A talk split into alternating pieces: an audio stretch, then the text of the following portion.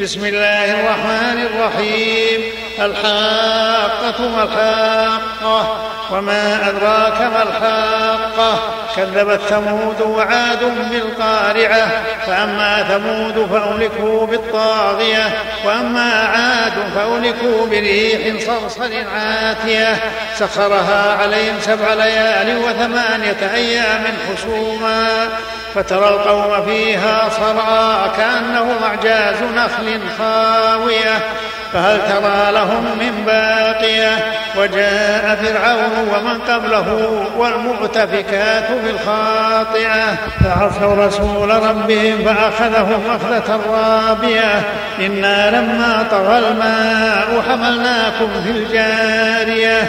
لنجعلها لكم تذكرة وتعيها أذن واعية. فإذا نفخ في الصور نفخة واحدة وحملت الأرض والجبال فدكتا دكة واحدة فيومئذ وقعت الواقعة وانشقت السماء فهي يومئذ واهية والملك على أرجائها ويحمل عرش ربك فوقهم يومئذ ثمانية يومئذ تعرضون لا تخفى منكم خافية. فأما من أوتي كتابه بيمينه فيقول هاؤم اقرءوا كتابيه.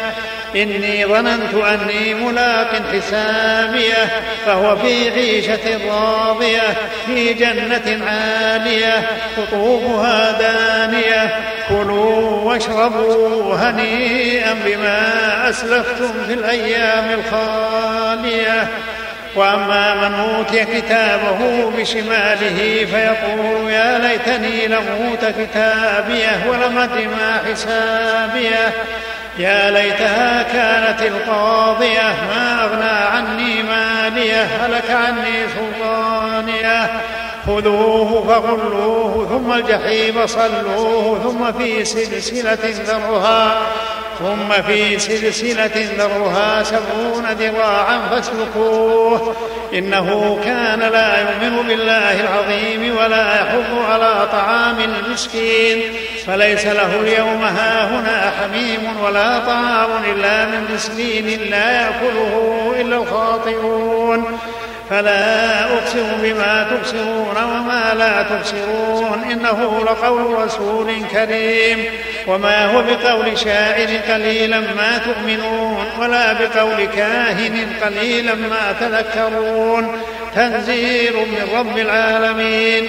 ولو تقول علينا بعض الأقاويل لأخذنا منه باليمين ثم لقطعنا منه الوتين. فما منكم من أحد عنه حاجزين وإنه لتذكرة للمتقين وإنا لنعلم أن منكم مكذبين وإنه لحسرة على الكافرين وإنه لحق اليقين فسبح باسم ربك العظيم